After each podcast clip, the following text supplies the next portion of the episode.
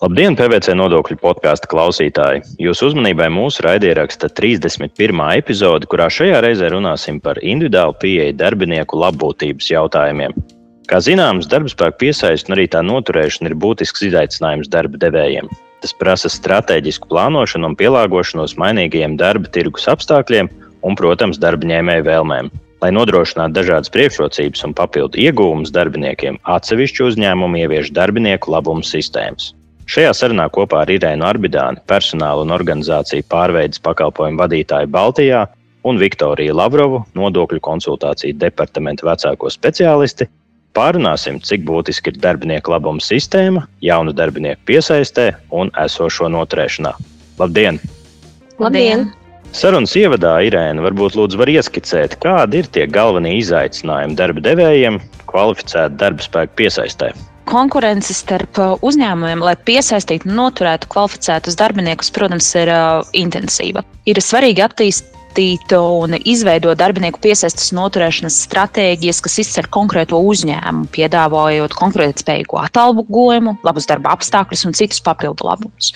Un būtībā ir ne tikai svarīgi tādu izstrādāt, bet ik pa laikam viņu arī pārskatīt, ņemot vērā dažādas tendences un ļoti ātrā mainību darba spēka tirgu. Konkurenci darba tirgu ietekmē vairāki būtiski faktori. Paskatīsimies uz dažiem no tiem. Piemēram, viens no tiem ir zināšanu un prasmju, varētu teikt, trūkums vai pat iztrūkums. Jo dažādās nozarēs ir um, dažādu specifisku profesiju trūkums vai zināšanu trūkums un prasmju. Un, līdz ar to var gadīties, ka tieši konkrēto kvalificēto kandidātu nav iespējams atrast. Šādā gadījumā būtu jāsaprot, kādā veidā šo kandidātu var tirgu identificēt un iespējams nevis var teikt, tā, iegādāties no tirgus gatavu, bet izveidot viņu, atbalstot dažādas apmācību programmas, lai šo zināšanu prasmu līmeni uzlabotu. Nākamais, kas arī ir svarīgs, praktiska lieta, ir paradumu maiņa. Darba ņēmēju paradumu un vērtības mainās ik pa laikam, un tas ietekmē arī to, kādā veidā ir iespējams šo darba spēku piesaistīt. Jaunākās paudzes darba ņēmēji bieži vēlas elastīgāku darba laiku, iespēju strādāt attālināti un attīstīt dažādas profesionālās un personīgās prakses. Un tā arī pievērš arī ļoti lielu uzmanību darba devēja reputācijai un publiski izvirzītajiem mērķiem. Darba devējiem ir jāspēj pielāgoties šīm izmaiņām, lai piesaistītu jaunus talantus. Kā jau pieminējos mazliet par šo darba devēju tēlu un zīmolu, nevar noteikti noliegt to, ka laba reputācija un uzņēmuma zīmols darba devēja ir ārkārtīgi būtisks. Tas piesaista talantus un notur jau esošos. Ja uzņēmuma reputācija ir apšaubāma vai zīmols nav pietiekami pazīstams, var būt grūti konkurēt ar citiem uzņēmumiem. Ir svarīgi veidot un uzturēt pozitīvu uzņēmumu tēlu, Vēl viens faktors, kas noteikti ietekmē arī darba spēka pieejamību, ir, protams, globālā konkurence. Globalizācija ir paplašinājusi darba tirgu. Dažreiz uzņēmumiem ir jākonkurē ar starptautiskām organizācijām, kas piedāvā līdzīgus vai pat daudz labākus darba apstākļus un atalgojumus. Šajā situācijā darba devējiem varbūt pat jāpielāgojas, lai būtu konkurētspējīgāki starptautiskajā mērogā, piemēram, piedāvājot iespējas darbu no mājām un attīstot īpašas priekšrocības, kā piesaistīt talantus. Lai risinātu šos izaicinājumus, viens no būtiskākajiem faktoriem neapšaubāmie ir darbinieku labumu sistēma. Jā, pēdējā laikā par to tiek daudz runāts, par šo individuālo pieeju, izvēloties darbiniekiem piedāvātos labumus. Irēna, vai šāda pieeja ir šobrīd jāvērtē kā tāda vēlama iniciatīva, vai tā jau ir kļuvusi par tādu nepieciešamību, lai darba devēji veiksmīgi spētu konkurēt darba tirgu? Viennozīmīgi atalgojuma un labuma individualizācija ir eh, gan esoša tendence, gan acīm redzami mūsu nākotne. Tas, ko mums ir svarīgi saprast, kā uzņēmumi un iestādes šim pielāgosies. Lai šo apzinātu, ir vērts ieskatīties statistikā. Un par ko liecina šī statistika? Vai tev ir pieejami kādi dati?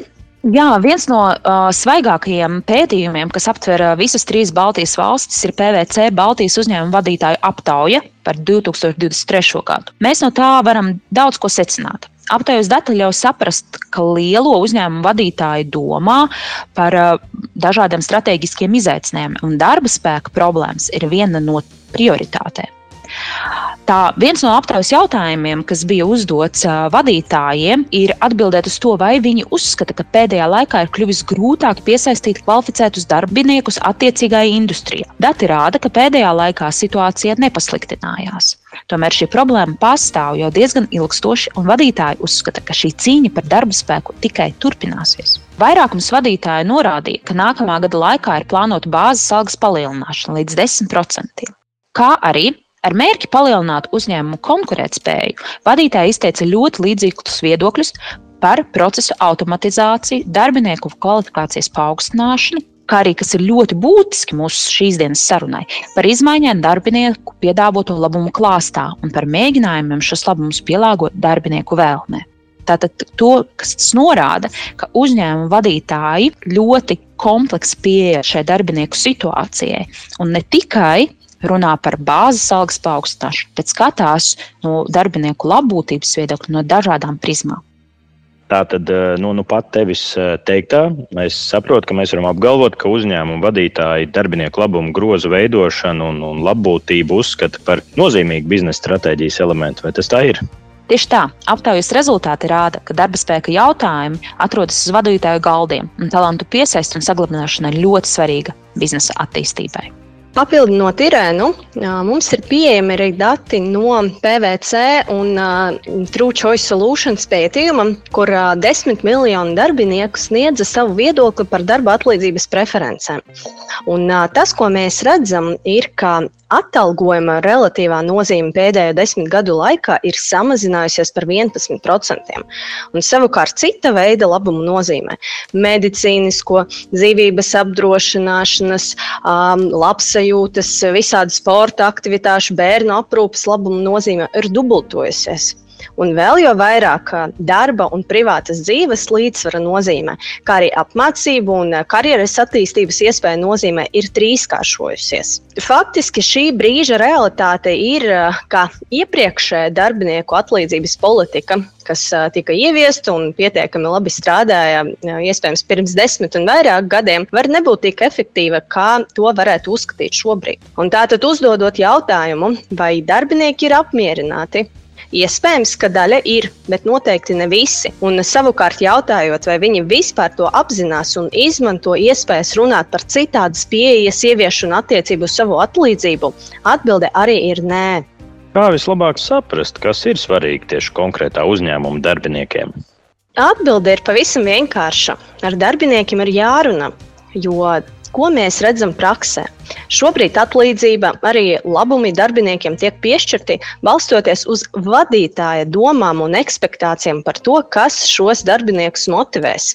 Un tai īstai pieeja ir jābūt tieši pretējai. Darbiniekam jābūt uzmanības centrā, ir jāpersonalizē katra darbinieka vēlmes. Rezultātā pacelsies darbinieku lojalitāte un tiks iedvesmots personīgais sniegums, Turklāt šis ļaus saglabāt arī motivētāku un produktīvāku darba spēku, kas savukārt nodrošinās arī biznesa attīstību. Protams, mēs nevaram runāt par šiem aspektiem atrauti no realitātes, jo jāatrod arī līdzsvars starp tiem labumiem, ko tavs darba spēks novērtētu un ko tu kā darba devējs vari atļauties viennozīmīgi ļoti liela nozīme ir arī finansiāla ietekme uz noteiktu polišu ieviešanu, labumu groziem, jeb kāda veida personalizētiem labumiem, prēmijām un tā tālāk. Tas viens no aspektiem, ko darba devēji izmanto jau šobrīd, noteikti ir tā saucamie neapliekamie ienākumi, ko paredz normatīvais regulējums, jo tie faktiski ļauj uzņēmumiem atalgot un atlīdzināt savus darbiniekus papildus pamata algai un uh, papildus arī piemaksām par uh, kaut kādiem rezultātiem, dažādas ekstras. Tas savukārt nozīmē, ka uh, rezultāta par nemainīgo darba devējumu budžetu darbinieks saņem lielāku neto labumu. Te var minēt noteikti veselības apdrošināšanu, iemaksas dzīvības apdrošināšanu privātajos pensiju fondos, arī kompensāciju par automašīnas izmantošanu, kvalifikācijas paaugstināšanu un vairākus citus labumus. Protams, ir jāsaprot, ka šie labumi nav neierobežoti, un to izmantošanai likumā ir paredzēti konkrēti limiti. Tas, ko mēs vēl redzam praksē, ir, ka tirgu aktīvi attīstās arī akciju opciju plāni. Būtībā ieviešot šādu plānu noteikti mazākai vai lielākai darbinieku grupai, atkarībā no noteiktu KPI sasniegšanas vai arī citu kritēriju izvirzīšanas, un, protams, arī ievērojot likumā noteiktas prasības, uzņēmums var piešķirt saviem darbiniekiem akcijas bez nodokļiem. Ņemot vērā salīdzinoši nesenus grozījumus normatīvajos aktos, šī izdevīgā neapliekamā režīma izmantošanas termiņš ir samazināts no 3 gadu opciju turēšanas līdz tikai 12 mēnešiem. Mēs eh, PVC arī aktīvi palīdzam mūsu klientam īstenot šādus plānus, gan no nodokļu, gan arī no juridiskā viedokļa. Un mēs tiešām redzam ļoti, ļoti lielu interesi, jo šis ir lielisks eh, darbinieku motivācijas instruments, kas eh, te pašā laikā nerezultēs papildu nodokļu izmaksās no uzņēmuma puses. Es saprotu, kā uzņēmumi aktīvi izmanto jau esošus normatīvos aktos paredzētos risinājumus darbinieku labotības paaugstināšanai, kā arī domā par alternatīvām iespējām. Tieši tā. Mēs redzam, ka par daudzu uzņēmumu prioritāti kļūst darbinieku labbūtība, un pie tās uzlabošanas tiek strādāts, veidojot to starp darba devēju zīmolu. Mēs redzam, ka darbinieki ir mainījuši savas preferences, un uzņēmuma vērtības viņiem ir svarīga ne tikai pamatalga, bet arī darba vide un uzņēmuma kultūra. Ņemot vērā šīs izmaiņas, vēlos informēt mūsu klausītājus, ka PVC Baltijas valstīs papildina pakalpojumu klāstu ar personāla vadības, jeb HR konsultāciju biznesa virzienu. Mūsu speciālisti vadības konsultāciju juridiskajā un globālās mobilitātes jomā piedāvā visaptverošas konsultācijas, kas apvieno padziļinātas zināšanas par personāla nodokļiem, darbinieku mobilitāti, atalgojumu grozu izveidi, darbinieku labumiem un HR efektivitāti. Piemēram, HR auditu un uh, padziļināto izpēti, kas ir svarīga personāla un darba spēka problēma analīzē organizācijā, daudzus digitālus pakalpojumus un rīkus, kas ļauj apstrādāt datus un ļauj atrast atbilstošas atbildes darbinieku vēlmēm, tāpat arī pakalpojumus, kas ļauj novērtēt, vai uzņēmumā ir problēmas ar tā saucamo daudzveidību, kā arī daudzus citus. Līdz šim mūsu sarunā mēs runājām par iespējām, ko sniedz pielāgot pieeja darbinieku labotībai, taču šai pieeja arī noteikti savi izaicinājumi, varbūt mazliet par tiem, kādi tie būtu. Protams, katram mākonim ir sava maliņa. Šī pielāgotā pieeja, līdzīgi kā individualizēts darbs, prasa papildus resursus.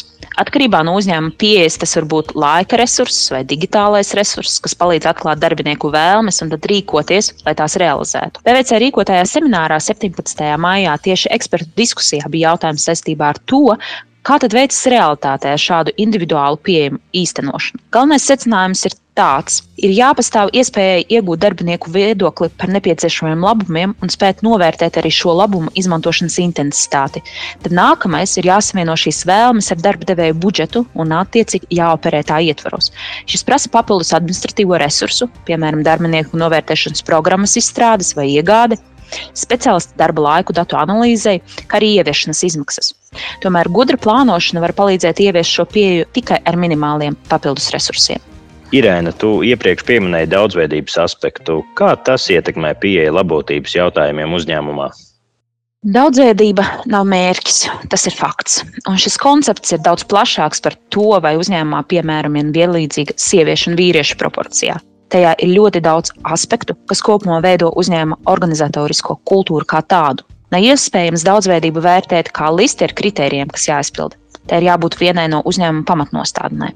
Tāpēc par šo ir svarīgi runāt, lai attīstot citus aspektus, piemēram, ieviešot daudzveidību atalgojumā vai labumu noteikšanā, un tādējādi pielāgojoties savu darbinieku vēlmēm, arī šis būtu solis daudzveidības un dažādības virzienā. Irēna un Viktorija, paldies par sarunu un atbildēm uz jautājumiem. Atgādināšu, ka šajā epizodē par individuālu pieeju darbinieku labotības jautājumiem sarunājos ar kolēģiem no PVC nodokļu departamenta Irēnu Arbidāni un Viktoriju Lavrovu. Klausītāji, ja jums eh, likās interesanti šī saruna, vēlties par šīm lietām uzzināt vairāk, aicinu apskatīt mūsu mājaslapu. Un, savukārt, ja runājam par podkāstu, tad aktuālās nodokļu podkāstu epizodes sevētā laikā varat noklausīties straumēšanas vietnē Spotify vai mūsu mājaslapā www.pvc.lv. Paldies, ka klausījāties un uz tikšanos! Lai jums veicās!